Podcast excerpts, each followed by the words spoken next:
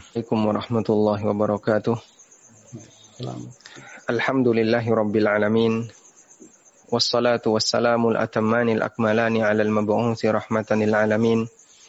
Wa ashhadu an la ilaha illallah wahdahu la syarika lah. Wa ashhadu anna Muhammadan abduhu wa rasuluh. Salawatu rabbi wa salamu alaihi wa ala alihi wa ashabihi. Wa man sara ala nahjihi Alhamdulillah kita bersyukur kepada Allah. Kembali dimudahkan oleh Allah Ta'ala untuk mengkaji kitab fikih muyassar. Dan insya Allah di kesempatan kali ini sebagaimana yang disampaikan dalam pengumuman kita akan membahas bab tentang haid dan nifas. Pembahasan ini termasuk di antara pembahasan yang cukup berat bagi para ulama sehingga seharusnya kita juga sikapi dengan sikap sebagaimana sikapnya para ulama. Artinya tidak menganggap satu hal yang remeh, tidak menganggap satu hal yang uh, apa yang rendahan, tapi ini adalah sebuah ilmu yang kata Imam Ahmad bin Hambal rahimahullah, makastu fi haidin, makastu fil haidi tis'a sinin. Aku belajar fikih seputar masalah haid sepanjang sembilan tahun. Dan ini sekelas Imam Ahmad bin Hambal rahimahullah ta'ala. Namun Masya Allah, untuk bisa memahami fikih tentang haid secara maksimal, secara universal, beliau rahimahullah membutuhkan waktu kurang lebih sembilan tahun. Apalagi kita yang ilmunya tentu saja tidak bisa dibandingkan dengan ilmu beliau rahimahullah taala. Tayyib. Dan insya Allah kita akan membaca buku fikih muyassar di bab ini dengan memberikan beberapa catatan yang bisa kita tambahkan. Ada dua hal yang perlu kita bahas terkait masalah haid. Ya. Yang pertama adalah jadi fikih masalah haid secara umum bisa dibagi menjadi dua. Yang pertama adalah bagaimana cara menentukan ya, cara menentukan keberadaan darah haid. Bagaimana cara menentukan keberadaan darah haid? Yang kedua adalah memahami hukum yang berlaku bagi wanita yang mengalami haid. Baik. Untuk bagian yang pertama, kita akan belajar tentang batasan. Seperti apa sih darah itu disebut sebagai darah haid atau darah istihadah atau darah nifas. Dan kapan darah yang keluar dari seorang wanita itu masuk kategori haid, masuk kategori istihadah.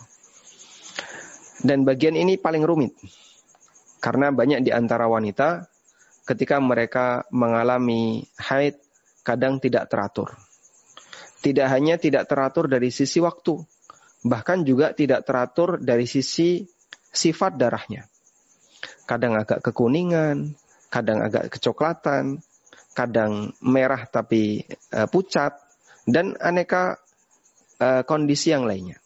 Kadang keluar cuman dikit, nanti nggak keluar, keluar dikit, nanti nggak keluar lagi dan seterusnya. Kemudian setelah kita memahami batasan-batasan haid, wanita ini mengalami haid, yang ini bukan haid. Maka uh, pelajaran berikutnya yang harus kita ketahui adalah hukum apa saja yang berlaku bagi wanita yang mengalami haid. Apa saja yang dilarang ketika haid, apa yang diperbolehkan. Kemudian ketika wanita mengalami haid, ibadah apa saja yang bisa dia lakukan haid ketika berada di kota suci pada saat mau haji atau umroh. Haid ketika wanita sedang uh, menjumpai bulan Ramadan, bolehkah dia menggunakan obat dan seterusnya. Dan ini juga pembahasan yang cukup menyita banyak materi sehingga dalam masalah fikih haid tidak heran jika ulama sekelas Imam Ahmad bin Hambal mengatakan makastu fil haidi tis'a sinin aku belajar ilmu tentang masalah haid selama 9 tahun. Baik, kita akan baca keterangan yang disampaikan oleh penulis dan sebagaimana urutan yang tadi kita sampaikan, penulis kita fikih muyasar pertama akan membahas tentang batasan kapan wanita disebut haid dan kapan bukan haid. Yang pertama tentang definisi haid. Haid secara bahasa mananya adalah asailan, aliran, sesuatu yang mengalir. Sehingga disebut haid karena dia mengalir. Karena itulah telaga dalam bahasa Arab disebut dengan uh, telaga dalam bahasa Arab uh, disebut sebagai uh, apa? haid. Uh. Karena telaga adalah tempat menampungnya aliran-aliran sungai yang berada di sekitarnya. Ya. Disebut haudun Nabi Sallallahu Alaihi Wasallam. Ya. Mohon maaf nggak fokus ya, karena ada suara ojek lewatnya. Telaga disebut haudun Nabi Sallallahu Alaihi Wasallam. Telaganya Nabi Sallallahu Alaihi Wasallam disebut haud, karena dia adalah tempat berkumpulnya aliran berbagai macam sungai yang berada di sekitarnya.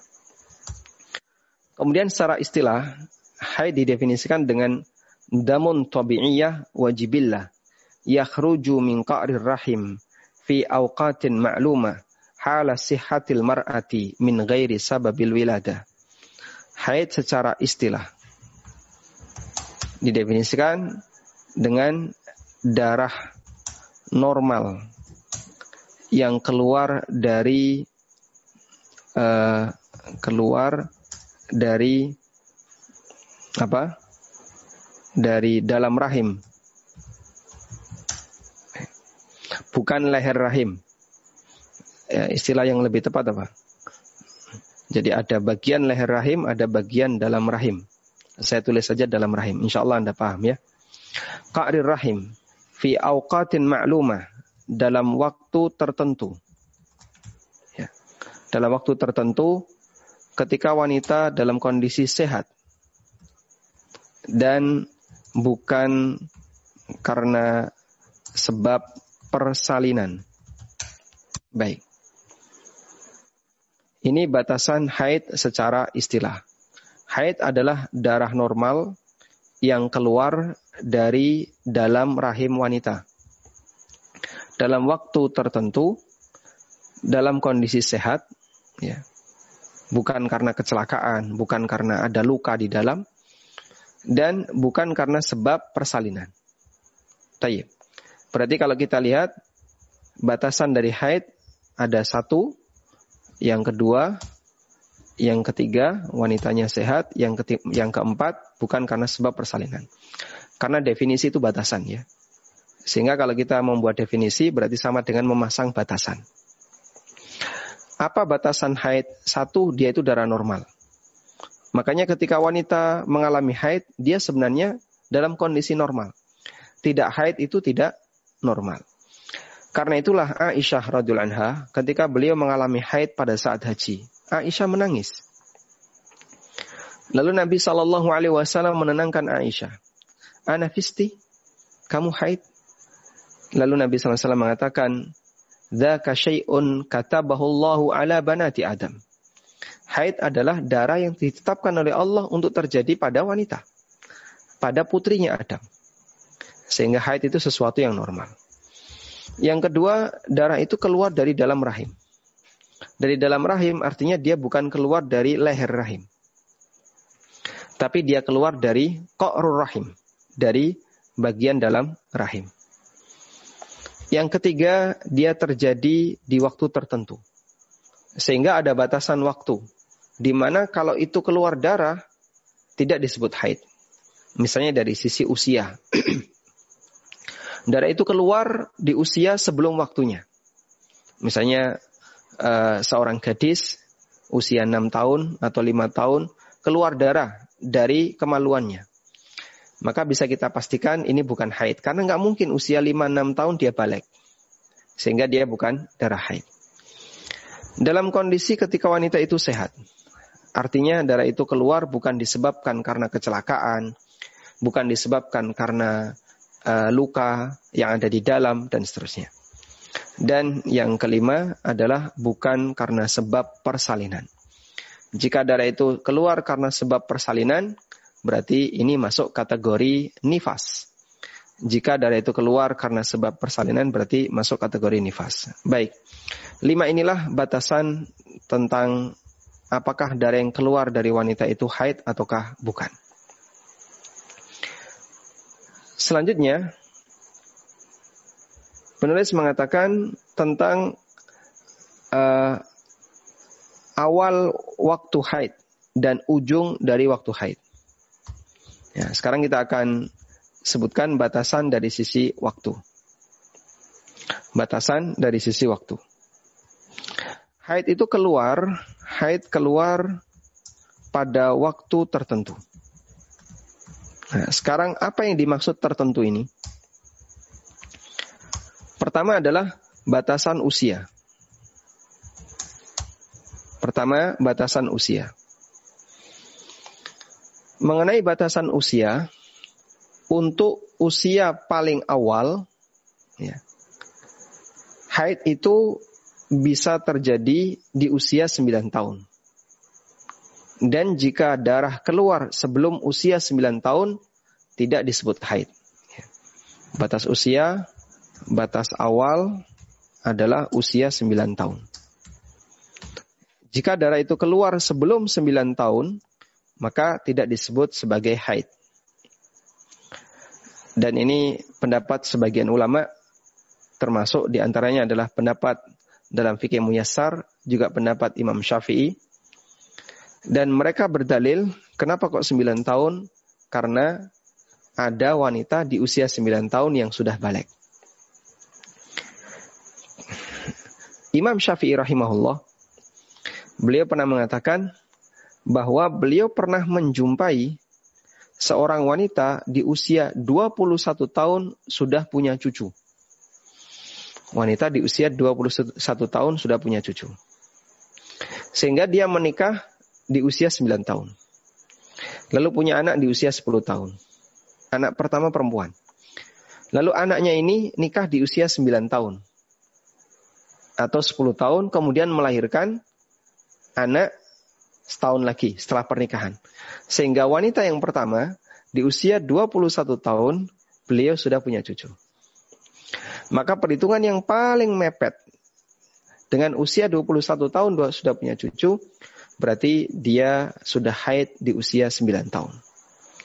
Sehingga realita lapangan ini dijadikan sebagai bukti bahwa haid bisa terjadi di usia 9 tahun. Karena itulah batas awal haid adalah 9 tahun. Batasnya adalah realita yang ada di lapangan. Realita yang ada di masyarakat.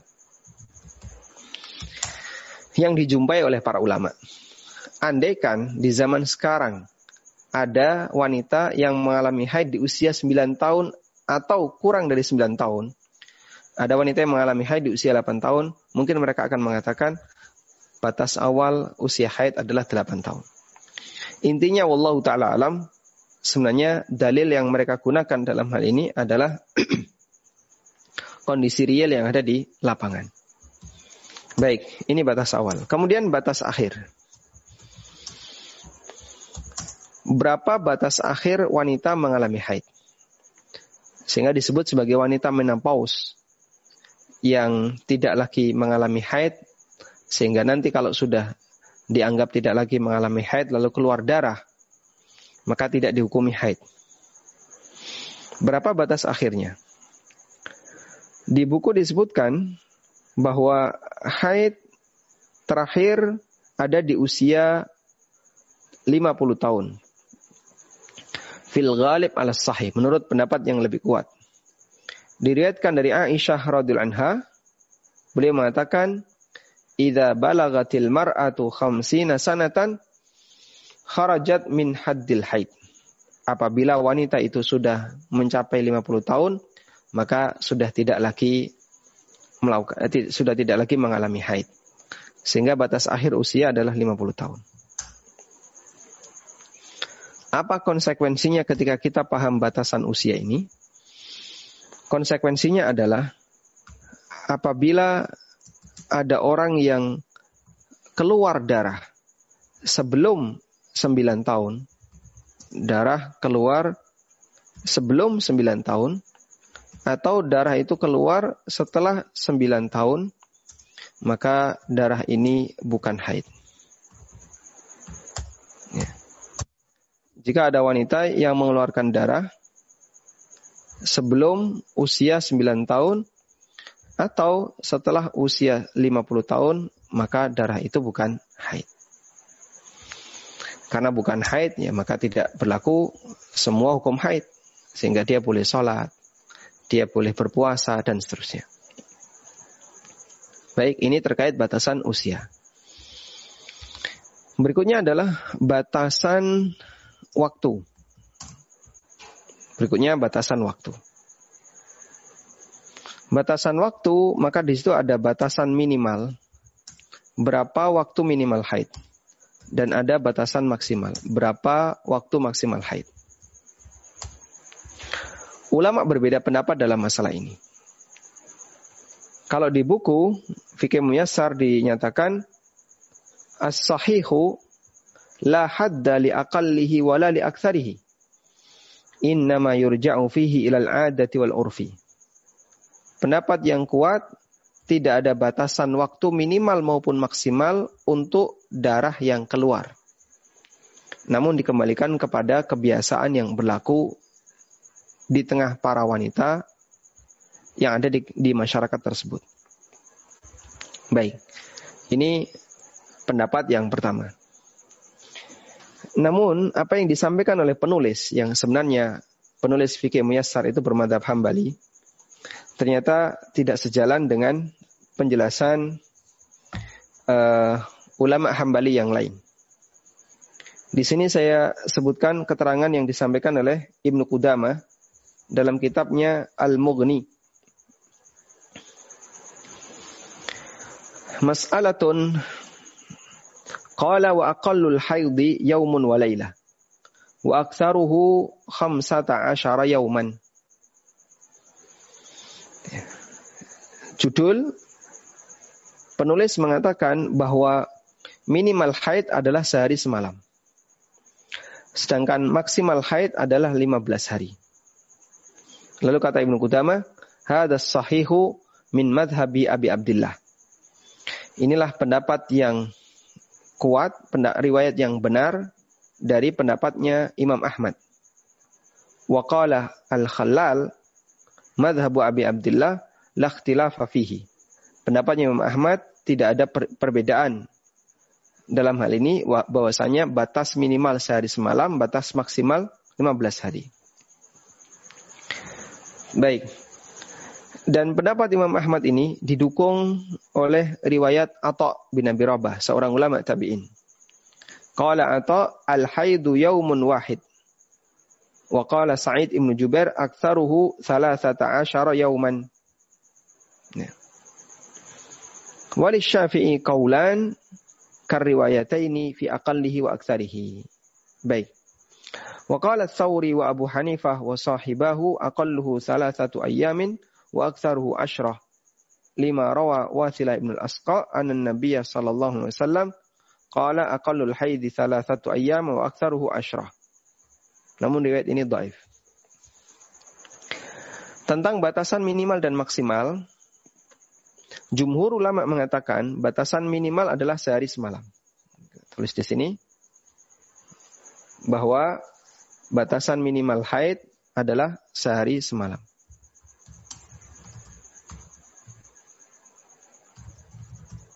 Dua puluh empat jam. Dan ini pendapat jumhur ulama. Ini pendapat jumhur ulama. Berbeda dengan pendapat penulis ya. Kitab Fikih Muyassar yang tadi menyebutkan tidak ada batasan. Sehingga bisa saja bisa saja wanita itu mengalami haid setengah hari atau sekian jam dalam waktu sehari. Tapi kalau pendapat jumhur, haid itu minimal sehari semalam. Nah yang dimaksud batasan minimal haid sehari semalam, bahwa darah itu keluar terus menerus. Dalam waktu sehari semalam, 24 jam. Sehingga berdasarkan pendapat ini, maka sebatas spot, flag, atau yang keluarnya hanya sesaat, kemudian setelah itu berhenti, maka tidak disebut sebagai haid. Misalnya ada wanita yang dia misalnya mengalami spot. Spot subuh. Setelah subuh, flag. Jam 7 ngeflag ya. Ngeflag terus keluar terus. Jam 7 berhenti. Sampai duhur berhenti. Sholat duhur tidak? Sholat duhur. Kemudian jam 2 dia tidur. Bangun tidur ngeflag lagi. Nah biasanya kan sebelum haid kadang mengalami kayak gitu. Ngeflag-ngeflag dulu, besoknya baru haid.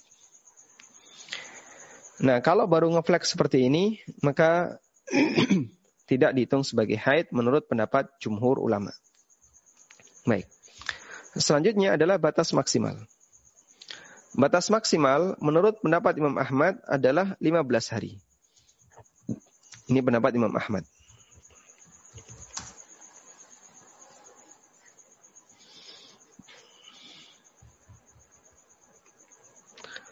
Kemudian ada juga yang mengatakan batasannya 17 hari. 17 hari. Ini pendapat Imam Ash-Syafi'i dan pendapat Imam Ahmad dalam salah satu riwayat. Dalam riwayat lain. Juga pendapat Ash-Syafi'i. Kemudian ada yang mengatakan batasan maksimalnya 13 hari. Dan ini pendapat Sa'id bin Jubair. Sa'id bin Jubair. Ulama tabi'in. Uh, muridnya Ibnu Abbas radhiyallahu anhu. Dan ini juga pendapatnya Abu Hanifah dan uh, atau bukan, bukan pendapatnya Abu Hanifah. Wa Abu Hanifah wa sahibah aqalluhu salah satu ayyam wa aktsaruhu asyra. Ada yang mengatakan batas maksimalnya 10 hari. Ini pendapat Abu Hanifah. Dan dua murid seniornya yaitu Abu Yusuf dan Muhammad bin Hasan Asyaibani. Waqala Anas ya. Uh, batas maksimalnya untuk Anas adalah 10 hari. Dan kata Imam Malik, laisa li aqalli haddun yajuzu an yakuna sa'atan li'annahu law kana li aqalli haddun lakanatil mar'atu la tada'u salata hatta yamdi dhalikal hadd. Tidak ada batas minimal menurut Imam Malik sehingga bisa saja haid itu dialami oleh seseorang meskipun hanya sesaat. Ya, sehingga di sini batas minimal ada yang mengatakan tidak ada. Dan ini pendapat Imam Malik. Sebagaimana pendapat penulis Al-Miyasar. Dan ada yang mengatakan sehari semalam. Dan ini pendapat Jumhur. Tayyib. Ala kullin ada banyak khilaf di situ. Dan seperti ini dipahami, uh, dipelajari oleh para ulama, kemudian dicari alasannya masing-masing. Makanya tidak heran jika sekali lagi Imam Ahmad mengatakan bahwa beliau belajar haid selama 9 tahun. Nah, kemudian disimpulkan oleh Ibnu Qudamah rahimahullahu taala bahwa pendapat yang lebih mendekati di sini adalah dikembalikan kepada urf dan ada. Kebiasaan para wanita di masyarakat itu. Sehingga ketika kebiasaannya mereka haid sehari semalam, maka itu dijadikan sebagai batasan minimal. Demikian pula ketika kebiasaan maksimal haid adalah 15 hari, itu dijadikan sebagai batasan maksimal. Wallahu alam. Dan kami lebih cenderung untuk memilih pendapat yang mengatakan bahwa batasan haid adalah 15 hari. Ya. Dan insya Allah pendapat ini yang lebih mendekati. Dan batasan minimal adalah sehari semalam. Baik. Kita hilangkan pendapat-pendapat yang lain.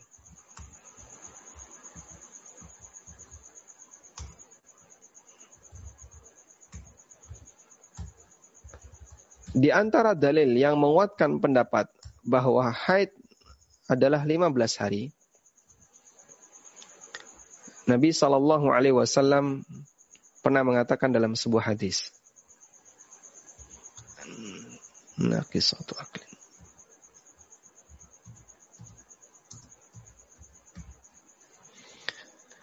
Beliau Shallallahu Alaihi Wasallam pernah bersabda,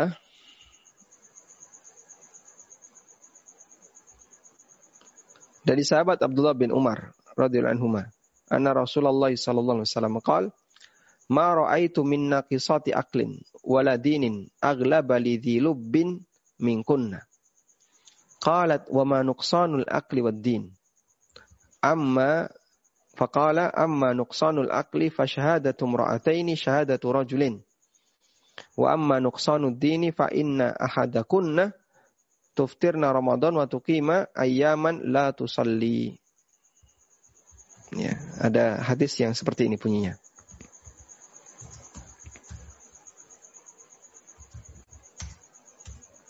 Tayyib. Coba kita baca. Dari sahabat Abdullah bin Umar radhiyallahu anhu, beliau mengatakan, belum pernah aku lihat ada makhluk yang akalnya kurang dan agamanya kurang, tapi dia bisa menguasai lelaki yang cerdas melebihi kalian, wahai para wanita. Qalat, lalu wanita itu tanya, dia nggak protes, tapi dia tanya. Tanya, kenapa mereka kok disebut sebagai nuksonul akli wad din. Qalat wa ma akli. Wanita bertanya. Lalu apa yang dimaksud kurangnya akal dan agama? Qala kata Nabi sallallahu alaihi wasallam, amma nuqsanul akli untuk kurangnya akal, fasyahadatu mra'ataini syahadatu rajulin. Persaksian dua wanita itu sama dengan persaksian seorang lelaki saksi wanita itu kan minimal dua. Yang itu ekivalen dengan saksi lelaki yang jumlahnya cuma satu. Sehingga ketika wanita jadi saksi minimal dua. Kalau laki jadi saksi bisa satu. Baik.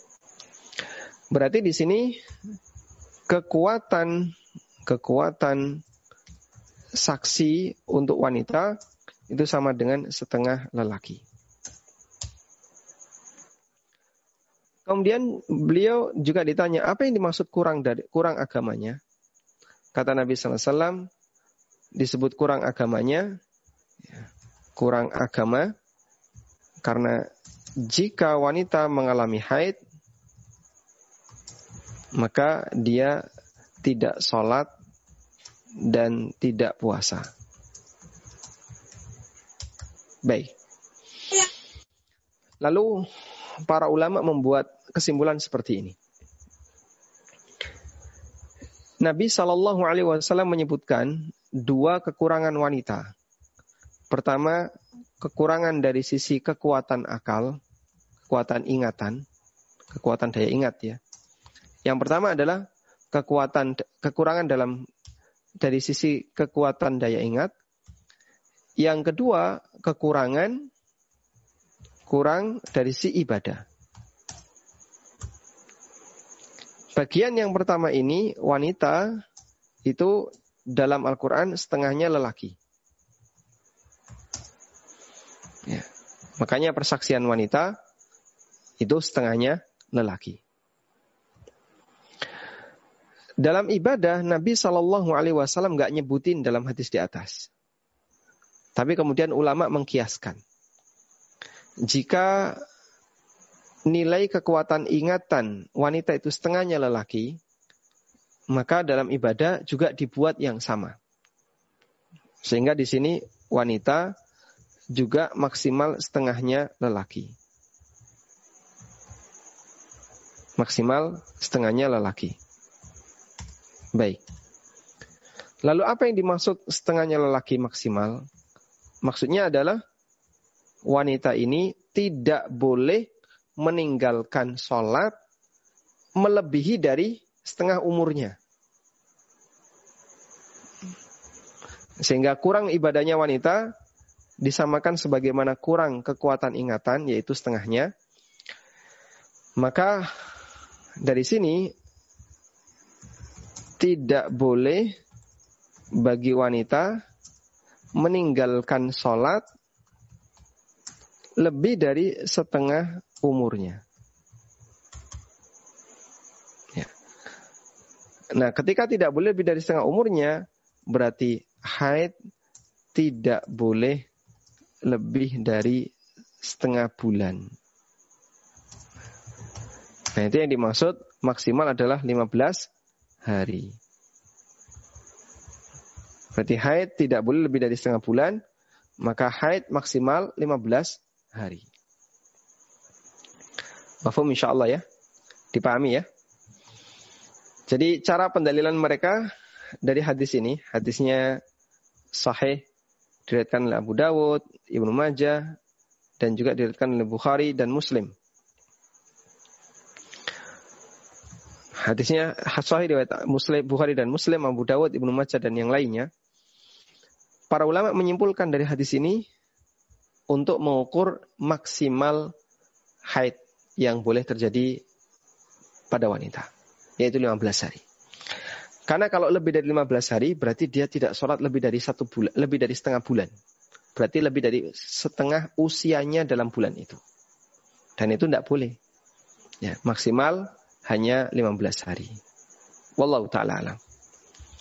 Baik, saya pertama kali ketika membaca uh, penjelasan ini, Masya Allah. Ya. Betapa dalamnya ilmu ulama. Sehingga teks hadisnya seperti ini, tapi bisa disimpulkan sampai pada kondisi berapa batas maksimal wanita mengalami haid. Tayyib. Sekarang kita lanjutkan.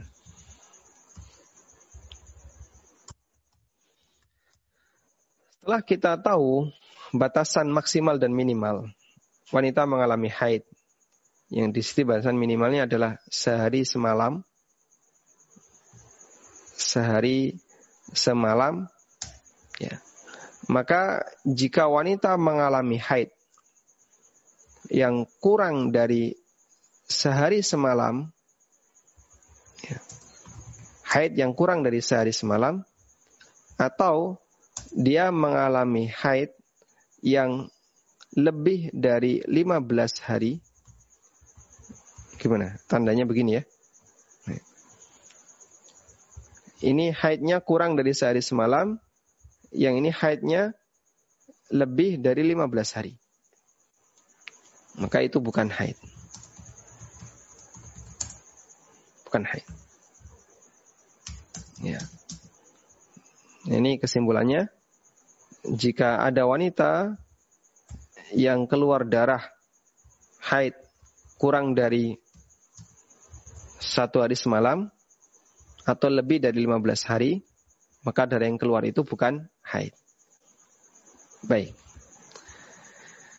Semoga bisa dipahami dengan baik, insya Allah. Ya. Nah ini akan menjawab banyak uh, keraguan para wanita. Biasanya ibu-ibu ketika mengalami haid yang panjang, gitu ya, itu yang panjang kan long tailnya itu, ya. Keruh, nggak putus-putus. Kekuningan nggak putus-putus. Sampai 12 hari, 13 hari nggak putus-putus. Bahkan sampai 15 hari kadang belum putus. Nah itu dibiarin aja. Sampai maksimal 15 hari. Begitu 15 hari, selesai. Wallahu alam. Baik.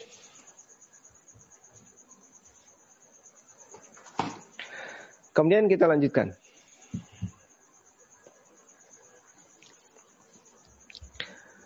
Ada kaidah yang mengatakan hukum asal hukum asal darah yang keluar dari wanita adalah haid. Hukum asal darah yang keluar dari wanita adalah haid. Allah Subhanahu wa taala berfirman, "Yas'alunaka 'anil mahid Qul huwa adang fa'tazilun nisa'a fil mahid. Mereka bertanya kepadamu tentang al-mahid. Qul huwa adzan. Fa'tazilun nisa'a fil mahil. Mereka bertanya kepadamu tentang al-mahid. Al-mahid di situ adalah tempat keluarnya haid. Tapi maknanya adalah haid. Mereka tanya kepadamu tentang haid. Qul katakanlah huwa adzan. Haid itu kotoran. Dalam ayat ini Allah Subhanahu wa taala menjelaskan haid itu kotoran. Adzan. Qul huwa adzan, kotoran. Karena itu selama keluar darah kotor ini maka berarti wanita mengalami haid. Baik. Sehingga pada asalnya setiap darah yang keluar dari wanita adalah haid. Nah, berdasarkan kaidah ini, maka apakah ada waktu minimal? Apakah ada waktu minimal suci? Adakah waktu minimal suci? Maksudnya gimana pertanyaan ini? Adakah waktu minimal suci? Waktu minimal suci misalnya begini. Wanita mengalami haid tanggal 1 sampai 5. Lalu dia suci. Suci dua hari, tiga hari, haid lagi. Sehingga dia suci cuma tiga hari. Adakah wanita yang mengalami suci seperti cuma tiga hari? Jawabannya, suci tidak ada waktu minimal. Di sini, suci tidak ada waktu minimal. Maka dia suci cuma tiga hari, terus haid lagi. Ya, ya haid. Karena hukum asal ketika keluar darah adalah haid. Berarti ketika darah itu berhenti, tidak haid.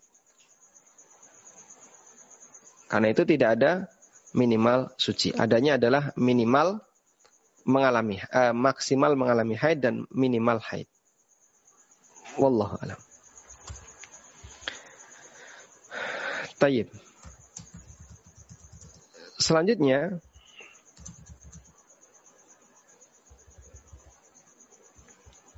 Penulis mengatakan, Ghalibul haid, dominan masa haid.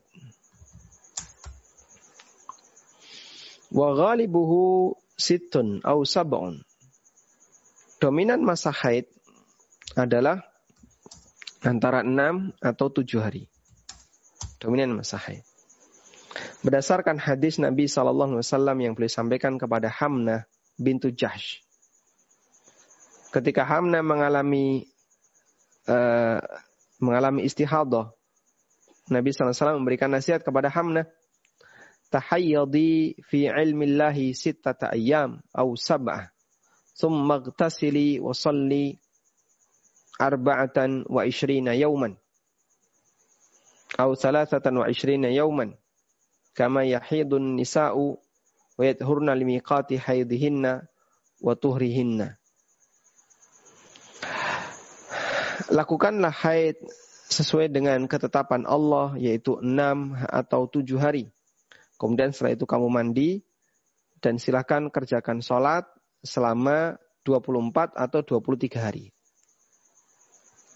Ya. Artinya kamu jangan mengalami haid, kamu jangan hitung sebagai haid selama 24 atau 23 hari. Sebagaimana umumnya wanita mengalami haid dan suci limiqati haidihinna wa tuhrihinna. Sesuai dengan waktu haid dan suci mereka.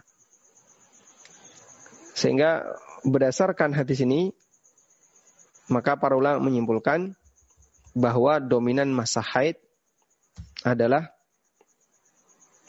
antara 6 sampai 7 hari. Apa fungsi dominan ini? Ya. Dominan ini selanjutnya akan dijadikan sebagai acuan bagi wanita yang haidnya tidak teratur. Atau wanita yang mengalami istihadah. Sehingga dia tidak bisa punya atur, uh, punya acuan yang baku, maka bisa menggunakan acuan dominan masa haid yang berlaku di masyarakat. Wallahu taala alam. Baik, dan itulah fatwa yang diberikan oleh Nabi SAW kepada Hamna bintu Jahash.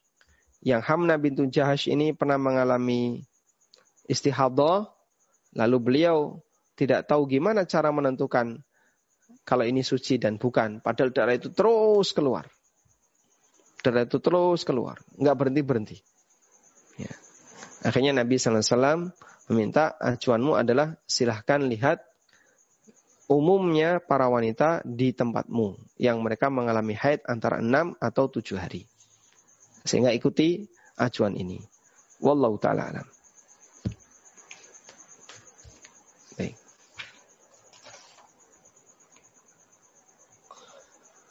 Nah, sampai di sini penjelasan yang disampaikan oleh penulis terkait masalah batasan kapan wanita mengalami haid dan bukan haid. Saya tambahkan sedikit ya, masih ada lima menit. Jadi wanita dibagi dua. Atau bisa kita bagi jadi tiga. Wanita dalam masalah haid bisa kita bagi, bagi, bagi menjadi tiga. Pertama pemula. Yang kedua wanita normal. Normal itu haidnya tidak terus menerus. Normal dalam arti tidak mengalami istihadah. Yang ketiga, wanita tidak normal. Gini. Benar gak ini? Hah? Tidak normal. Kok tidak normal sih? Gimana? Hah? Abnormal. Upnya pakai P ya. Abnormal. Iya. Melebihi normal. Baik. Sehingga ini mengalami istihadah. Sudah?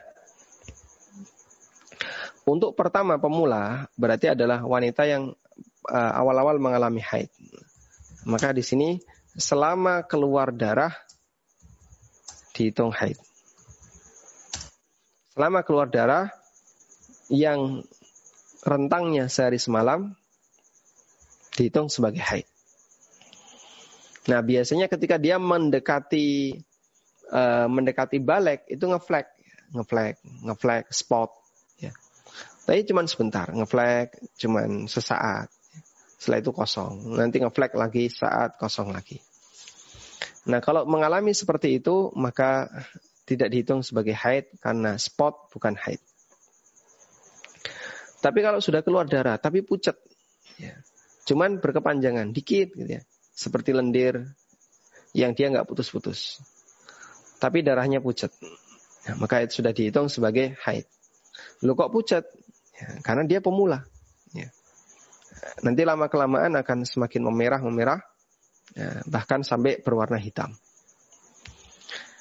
Nah kemudian wanita normal tidak mengalami istihadah, artinya masa berhentinya, masa sucinya panjang.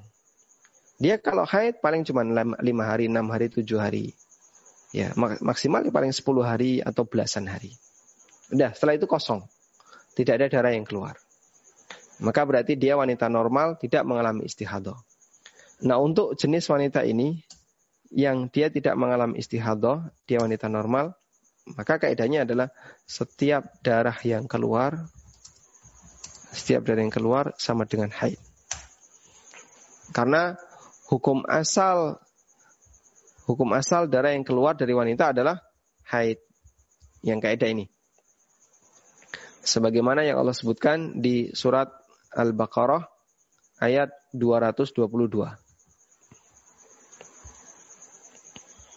Baik. Kemudian yang ketiga adalah wanita abnormal. Yaitu wanita yang mengalami istihadah. Ini darah nggak pernah putus. Darah nggak pernah putus sampai bisa hitungan tahun, ya, bulan atau yang lainnya, sehingga terus keluar darah.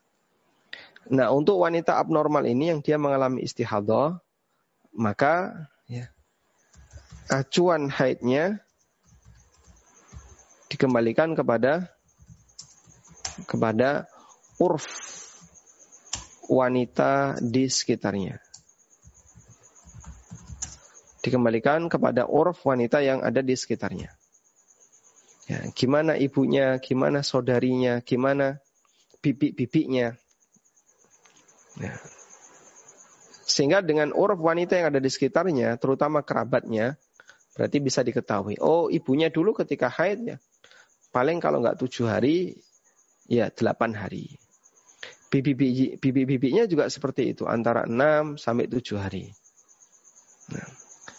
Sehingga dia bisa lihat, berarti kebiasaan wanita di sekitar saya adalah sekian. Nah itu yang dijadikan sebagai acuan. Sebagaimana fatwa yang diberikan oleh Nabi SAW kepada Hamna bintu Jahsh. Silahkan kamu lakukan haid ya, sesuai dengan ketetapan Allah dalam waktu enam atau tujuh hari. Ya, Kemudian setelah itu mandi dan sholat. Meskipun darah bisa jadi masih keluar. Karena ini darah istihadah dan hukum wanita yang mengalami istihadah sama sebagaimana wanita suci. Artinya tidak mengalami haid. Wallahu ta'ala alam. Baik, demikian yang bisa kita sampaikan sebagai mukaddimah di kajian malam hari ini. Semoga jadi ilmu yang bermanfaat Wassallallahu ala nabiyyina Muhammadin wa ala alihi wa sahbihi wasallam. Wa akhiru da'wana anil hamdulillahi rabbil alamin. Alhamdulillahirrahmanirrahim. khair Ustaz. Um, ini ada tidak banyak pertanyaan yang sudah masuk. Uh, ada empat. Baik, saya langsung mulai ke pertanyaan pertama. Saya share screen, insya Allah. Nah, silakan. Silakan. Pak Ustadz, usia saya 53 tahun lebih. Sampai sekarang saya masih haid setiap bulan selama lebih kurang seminggu. Apakah itu tidak dianggap darah haid karena usia di atas 50 tahun? Itu bagaimana Ustaz? Nah, ulama beda pendapat terkait uh, batasan usia haid untuk yang maksimal. Ada yang mengatakan nggak ada batas. Dan itu pendapatnya Syekhul Islam Ibn Taimiyah maka selagi keluar darah haid. Apalagi normal yang haidnya teratur antara enam hari, tujuh hari, delapan hari. Dan dari dulu sampai sekarang seperti itu. Nah, sehingga sekalipun usianya sudah lebih dari 50 tahun dan siklus kebiasaan ini tidak bergeser, maka kata Syekhul Islam, ya dia dihukumi sebagaimana wanita haid. Tapi berbeda dengan pendapat yang tadi disampaikan oleh penulis bahwa batas maksimal haid adalah usia 50 tahun. Berarti jika usianya 53 tahun lebih dan masih keluar darah tidak dianggap sebagai haid. Wallahu alam. Kalau tidak dianggap sebagai haid berarti apa? Istihadah. Tidak menghalangi puasa maupun sholat. Ya. Namun Tadi kami ingatkan ada khilaf di antara para ulama dalam masalah ini. Wallahu taala alam. Uh, sebelum ke penanya yang mengangkat tangan, maju ke yang kedua yang itu pertanyaan.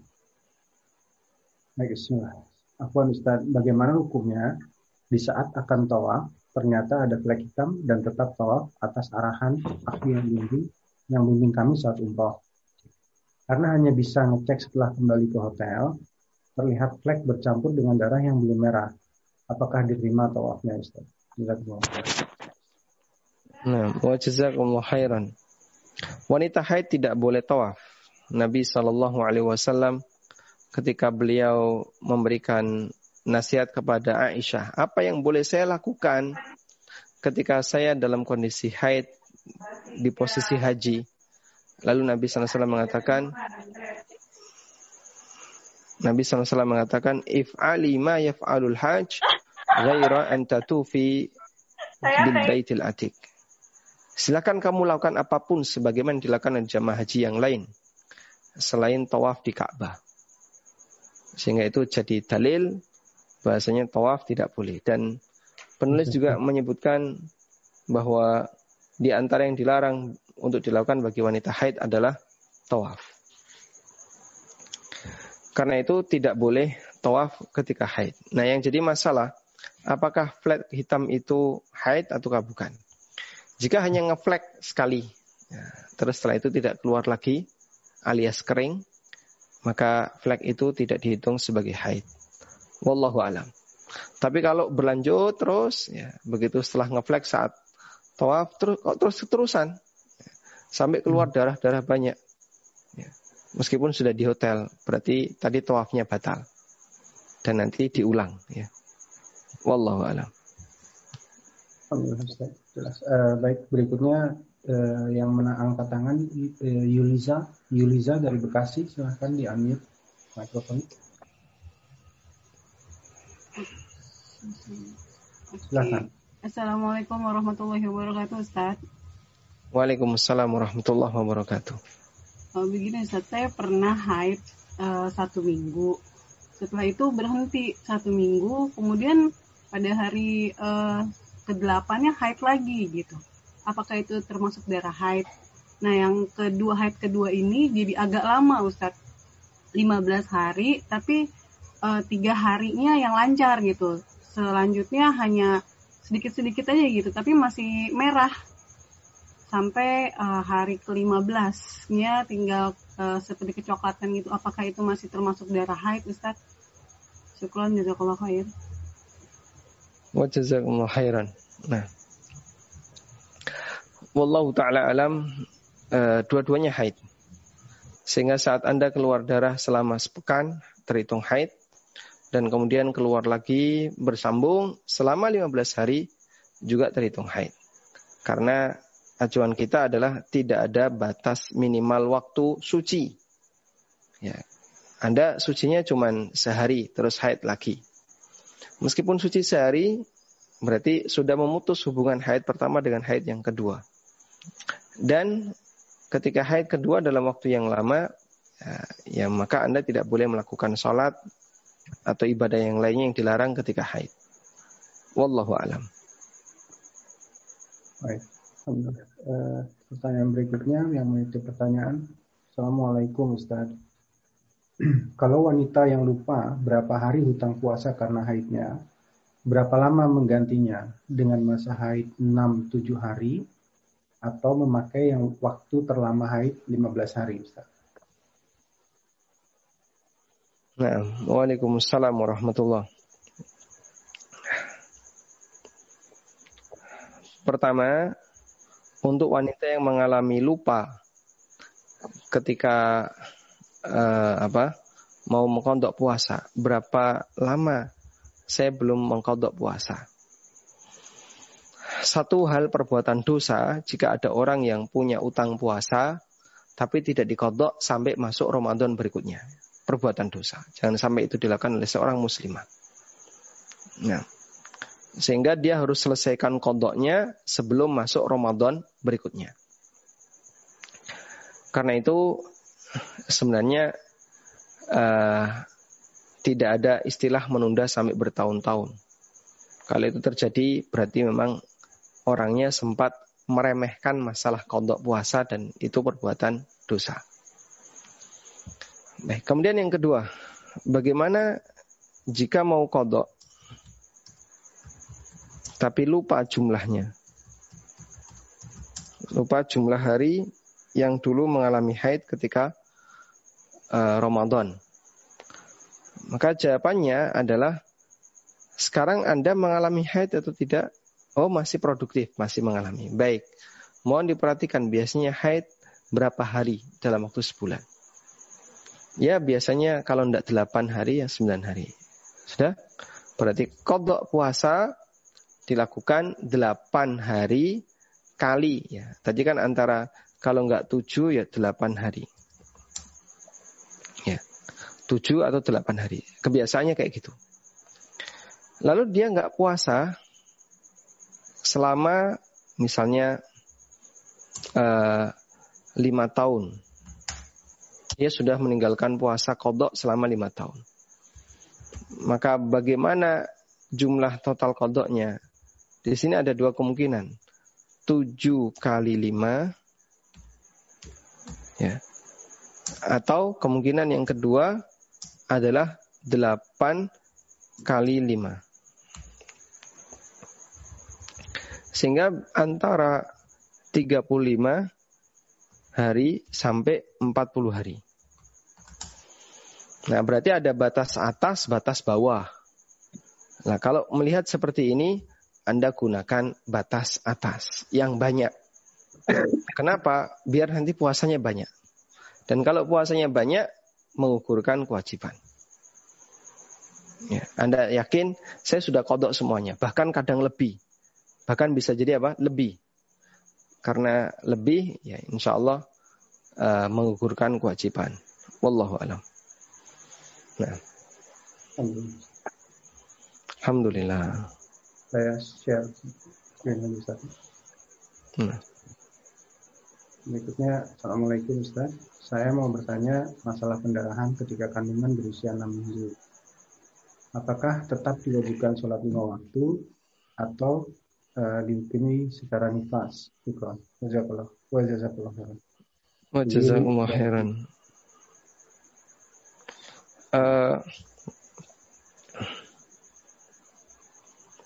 baik. Sebentar, agak diulang, Mbak. Cuma diulang, Mbak.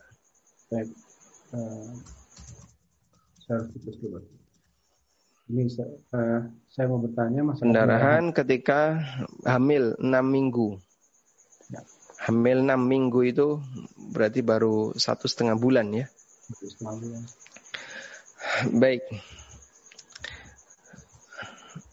Ulama berbeda pendapat apakah wanita hamil bisa haid.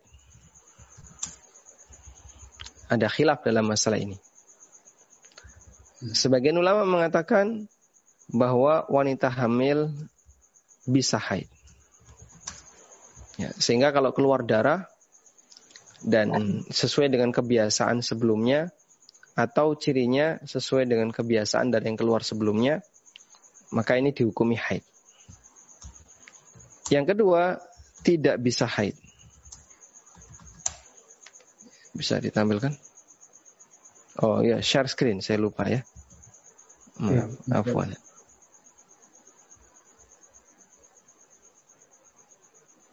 Alhamdulillah. Ada khilaf di antara para ulama, ada dua pendapatnya. Apakah wanita hamil bisa haid ataukah tidak bisa haid?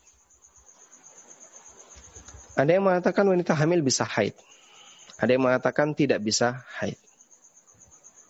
Dan wallahu taala alam pendapat yang lebih mendekati ini. Ini lebih kuat, lebih roji. Dengan dalil bahwa Ibnu Umar radhiyallahu pernah menceraikan istrinya di saat istrinya sedang haid.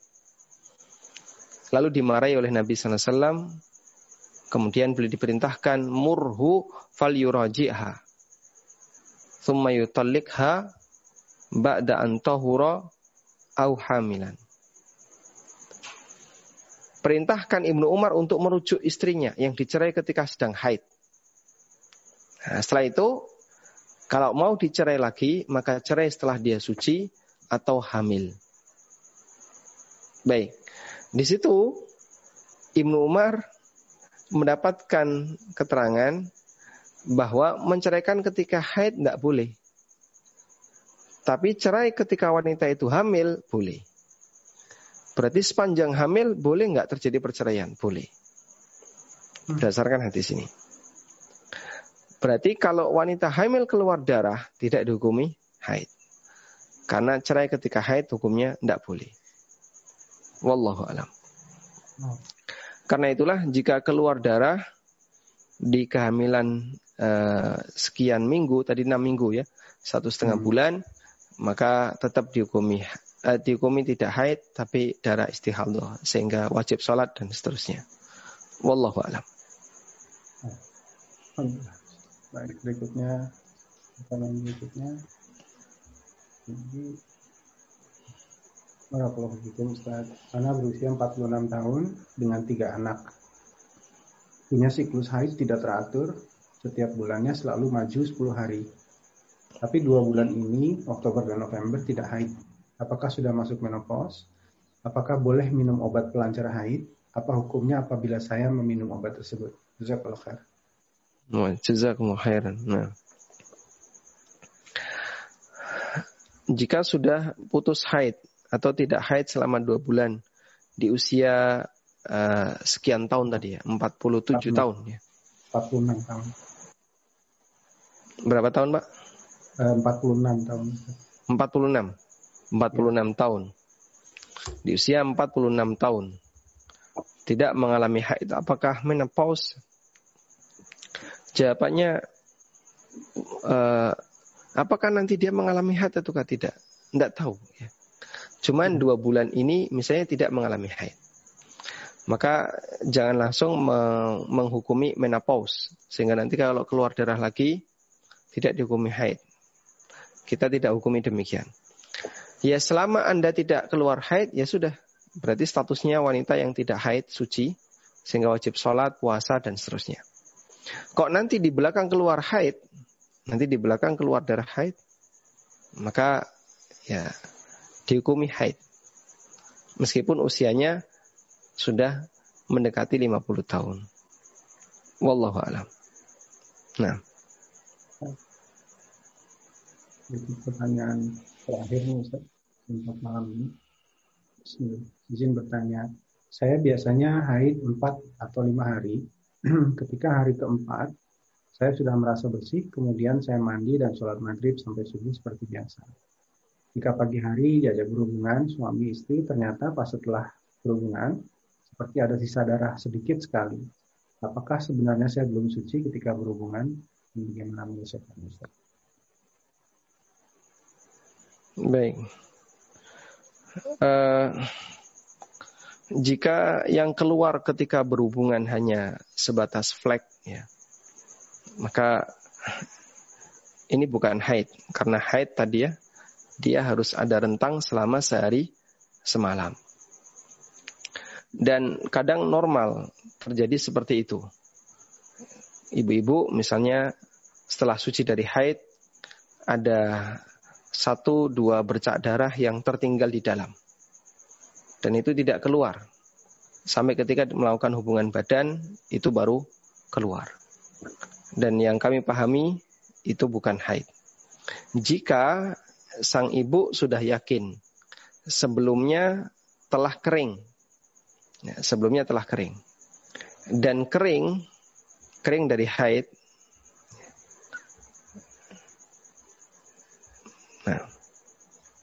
Suci haid. Kering dari haid atau suci haid itu ada dua ya. Pertama ditandai dengan darah terputus. Sudah tidak lagi keluar yang kedua, keluar lendir putih. Keluar lendir putih. Ini sebagaimana keterangan Aisyah radhiyallahu anha, beliau mengatakan la ta'jalina hatta takhruji hatta takhruja al-qassah al-bayda.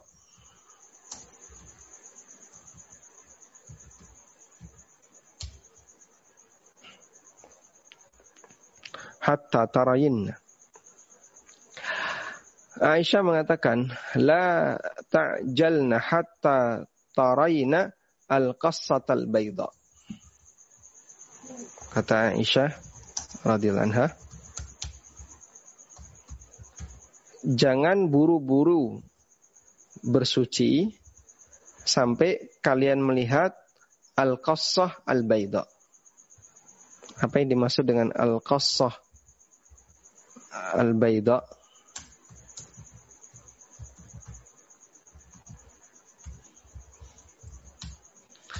Ada dua pendapat ulama tentang qassatul bayda. Pendapat pertama mengatakan bahwa qassa bayda adalah cairan putih. Al-bayda itu artinya putih ya. Abyad bayda. Artinya adalah cairan putih. Yaitu lendir putih lendir bening yang keluar pasca haid. Dan itu tanda suci.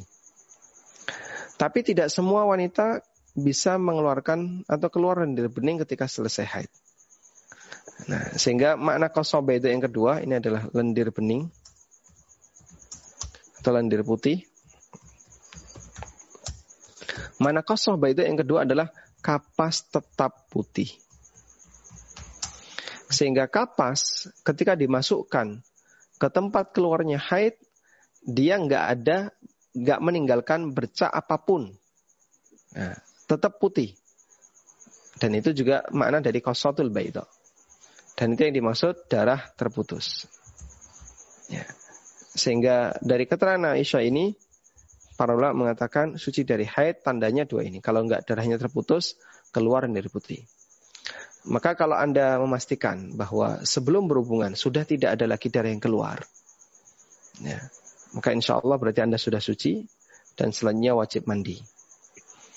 Tapi jika sebelum berhubungan masih ada lendir, masih keluar sufroh, kekuningan atau keruh, maka Anda berarti di posisi masih haid dan uh, tidak boleh melakukan hubungan badan.